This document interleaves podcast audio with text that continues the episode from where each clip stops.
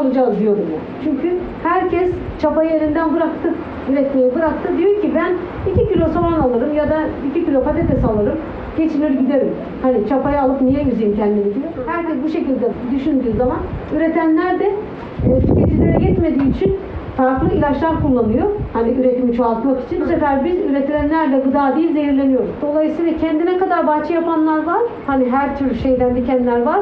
Ama fazla ekip satanlar da var. Yani mesela iyi tarım, iyi tarım için konferans istemiştim e, il tarımda, tarıma çıkıp. Ama henüz gelmediler. İşte dediler devletin destekleri her ay değişiyor, kesinleşmedi. Genetiği değişmiş ürünler girdikten sonra genetiği değişmiş hibrit bu ürüne girdikten sonra hastalıklar bunlar bunlar çoğalır. Domateste de bana göre ben çiftçi çocuğum. Çiftçilik yapıyorum. Beş buçuk yıldan beri fren yaptım. El freni çektim. Orada o tohumlara ne yapıyorlarsa mesela onların yetiştirmiş olduğu domates kırmızı oluyor. Güzel de oluyor. Sert dayanıklı da oluyor. Biz çiftçiler için çok iyi. Siz aldığınızda aa çok güzelmişti falan diyelim. Ama bunun içini kesip tohumunu aldığınız zaman seneye diktiğiniz zaman o domates kırmızı olmuyor, sarı oluyor. İlk turfan dediğimiz yani Nisan ve Mayıs ayında dikilen şu anda yediğiniz salatalık yaptığınız domatesler hep hastalık yapmazdı. Ama bu sene erken yaptı. Yani acaba bu tohumları oradan şeyler koyacaklar. Bununla bir rahatsızlık varsa ziraat mühendisi diyecek ki bunda bu hastalık var bu ilacı atacağız. Ha şu anda domatesler mesela domatesi konuşalım. Kırmızı ya hemen yenilecek ya işte ona atılacak zehir işte bir haftalık da var, iki üç günlük de var, kontak da var yani hemen etki ediyor. Bir gün iki gün sonra yok oluyor, haftalık da var. İşte bunları o ziraatçılar böyle yapacak ve ilacı satın aldığımız yer eczane gibi olacak. Yani ziraat, mühendisinin bir reçetesi olmadan biz ilaç alamayız. Şimdi öyle değil. Gidiyoruz, istediğimiz zehri alıyoruz, istediğimiz gibi akşam atıyor, gündüz de sizi zehirlemeye gönderiyor.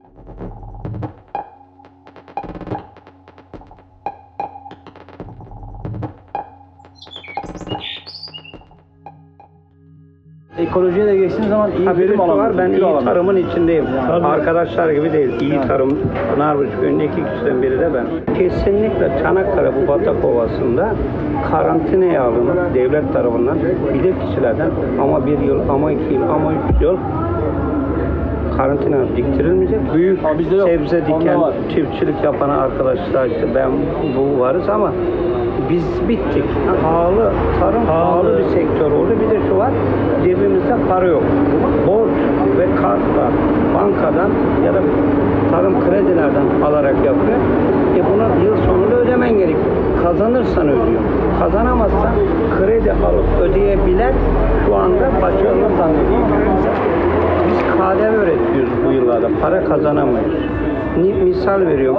Nisan'da dikeceğimiz fide işte 45-50 gün önce Antalya Alo dediğimizde orada KDV başlıyor hemen.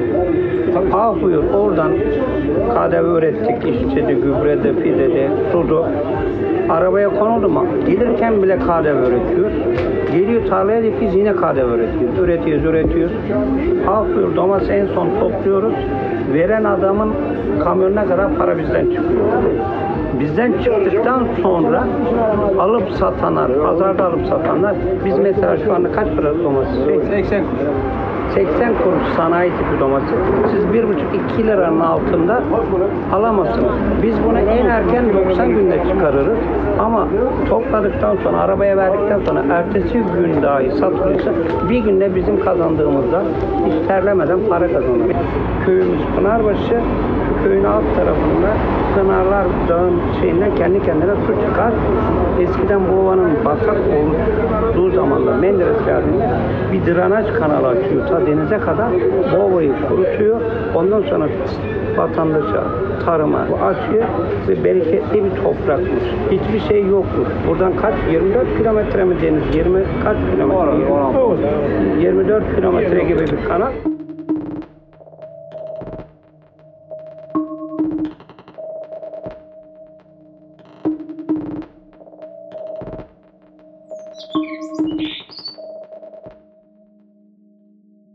Büyüdükçe ya o çoğu şehrin başına geliyor aslında. Özellikle muhtemelen ya birkaç etki var. Biri Roma döneminde nüfusun çok artması, mekanizasyonun iyileşmesi, şehirlerin sınırlarının büyümesi, işte o nüfusu besleyecek olan tarım alanının da e, yamaçlara doğru gitmesi, aynı zamanda hani Romalıların ciddi bir kereste tüketicisi olması gibi sebeplerden dağlardan toprak akıyor bayağı. Yani o doğal alüvyon taşınması aslında insan faaliyetiyle de hızlanıyor. Benzer örneği şeyde işte güneyde var hani Miletos, Priene civarları o, o bölgenin Muğla'nın aslında Menderes Havzası yine bir Menderes Havzası'nın döküldüğü yerlerden biri.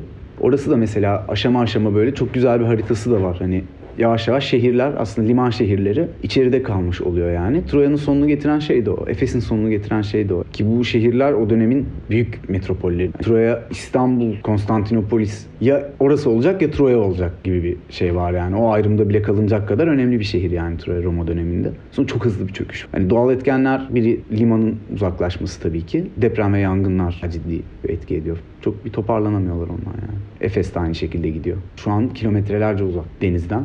Liman Caddesi'nin bir liman caddesi olduğu mesela o kadar bariz. Tam arkada büyük tiyatro. Önünden liman caddesi gidiyor falan. Muhteşem bir görüntü yani tam karşında deniz var. Kleopatra falan gibi yürümüş oradan. Yani bütün onu düşünmek şu an bakıyorsun düz ova şeyle aynı. Yani Troya'nın Akropolü'nden aşağıya doğru denize doğru baktığın yerde dümdüz alüvyon ovası orada da öyle. Hem senin ticaretini mahvediyor ki şehir şehrin bu kadar önemli olmasının sebeplerinden biri ticaret çünkü hani doğal kaynakların yanı sıra e, önemli bir ticaret limanı. Boğaz'ın tam girişi, Akdeniz'in Karadeniz'e bağlandığı yer falan yani. O yüzden önemli. O şehrin çökmesi yani o insanların ekmeğini yiyebildiği bir şey değil yani ovanın şey olması. Hastalık oluyor. Her yer bataklık düşünsene yani sivrisinekten falan için. Sıtma vesaire.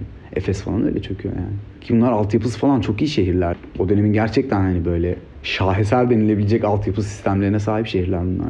O yüzden hani yüzlerce yıl sonra tabii oralar verimli ovalar olmuş oluyor. Tarımın o dönemde bile aslında ekstensif olarak yapılması, hani geniş alanlara yayılıp da büyük bir nüfusu beslemek için deli gibi orman alanı kullanılarak tarım arazisi sürdükçe kötüleşiyor. Çok basit bir çizgi aslında insanlığın tarihinde de yani tarım devriminden beri olan bir şey. Hani şu an Mezopotamya'nın çöl olmasının sebebi bu aslında yani. O dönemde çünkü jungle buralar ve orman toprağı çok verimli bir toprak. Tarım alanı sürdükçe kötüleşiyor aynı ürünü yetiştirdikçe vesaire. Dolayısıyla orman alanını kesip orada tekrar tarım yapıyor. Sürdürülebilirlik dediğimiz zaman aynı olayı yaparak sürdürmeye çalışıyormuşuz gibi oluyor. O çok önemli bir. Onarım dediğin zaman onun ötesine geçmek artık. Hani mevcut kaynağı artıran bir yaklaşım mümkün mü? Yani her sene toprak kaybetmektense toprak oluşturup gıda üretmeye devam edebilmek. Mera meselesi çok sıkıntılı bir mesele gerçekten. Yani yasal olarak da. Çok arada kalmış bir konu hep. Meraların var olması için hayvanların da var olması gerekiyor. E, hayvancılık da azaldıkça mera ihtiyacı da azalıyor ya da meralar bakılmadığı için bozuluyor. Mera vasfını yitirdiği için ormana geçiyor. Ya da başka bir kullanım için tahsis ediliyor. Mera meselesinde gerçekten hani planlamada da sorunlar var makro ölçekte. Köylerde meraların kullanımı da iyi durumda değil. Çok önemli bir hayvancılık bölgesi burası aynı zamanda. Daha endüstriyel şekilde var. Yine otlatan insanlar tabii ki var. Gerçekten havza basında meraların yönetilmesi, sürülerin birleştirilmesi, insanların ortak plan dahilinde bunu yapması. Çünkü gerçekten bireysel olarak yapabileceklerimiz hele ki mera gibi geniş alanlardan bahsediyoruz.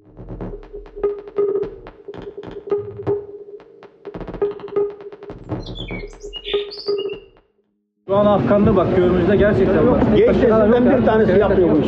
Şoförlük yapar, yarım maliyetine ama o hayvancılığı yapmaz. Hayvan yok derken para kazanmak gerekiyor. Hayvan daha zor çiftçilikten. Neden? Daha 365 365 gün olduğu için hiç boş Sürekli. Bir de tarım şu Mayıs'ta başlar, Nisan'da başlar, Ekim'de biter. Dört ay yaparsın tarım. Üç- ama hayvan öyle değil. Yeni bir sistem değil yani otomatik sağım düzenleri yok. Hep kırsal elle. Makine yok. Çanakkale işte Biga Anadolu meralarının örneğini uygulayan insanların sayısı artsa gerçekten ve buna göre bir planlama yapılsa. Meralar buna göre düşünülse. Planlama meselesi yani. Bu sonucunda olacak olan şey ihtiyaçlarımızı karşılama biçimimizin değişmek zorunda olduğu yani o.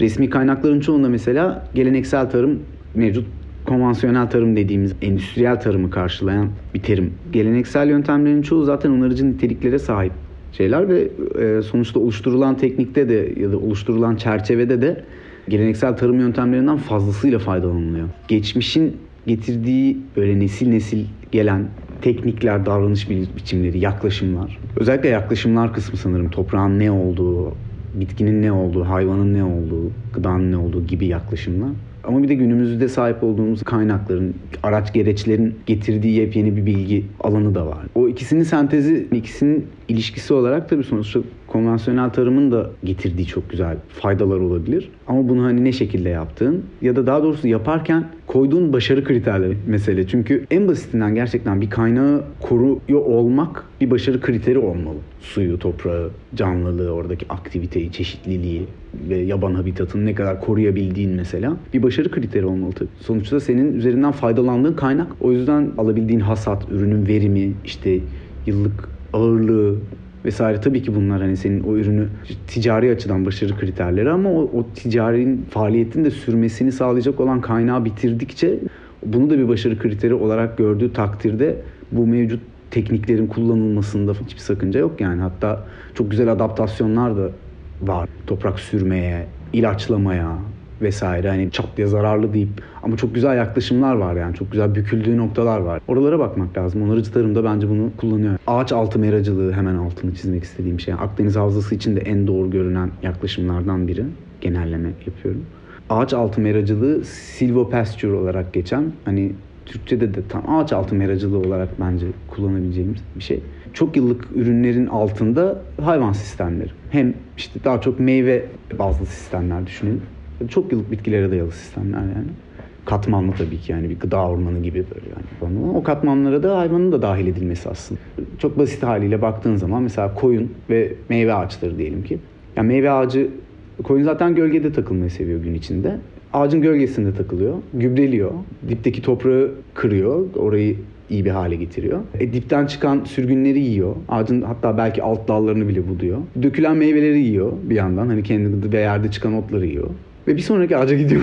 Bu şekilde sistemin içinde dönüyor yani. Zaten gün içinde yapmayı tercih edeceği şeyi yaparak hem yani çiftçiye bir faydası oluyor, üreticiye bir faydası oluyor. Hem de aynı yüz ölçümünden kat kat fayda üreterek süper bir hasat elde ediyorsun. Çeşitli bir hasat elde ediyorsun. Çünkü çok yıllıklara dayalı sistemler olmalı zaten yani. Tek yıllıklardan çıkardın. Tabii ki tek yıllıklara ihtiyacımız var hani. Şu koşullarda buğday, mısır, pirinç gibi ürünlerden vazgeçemeyecek gibi görünüyoruz.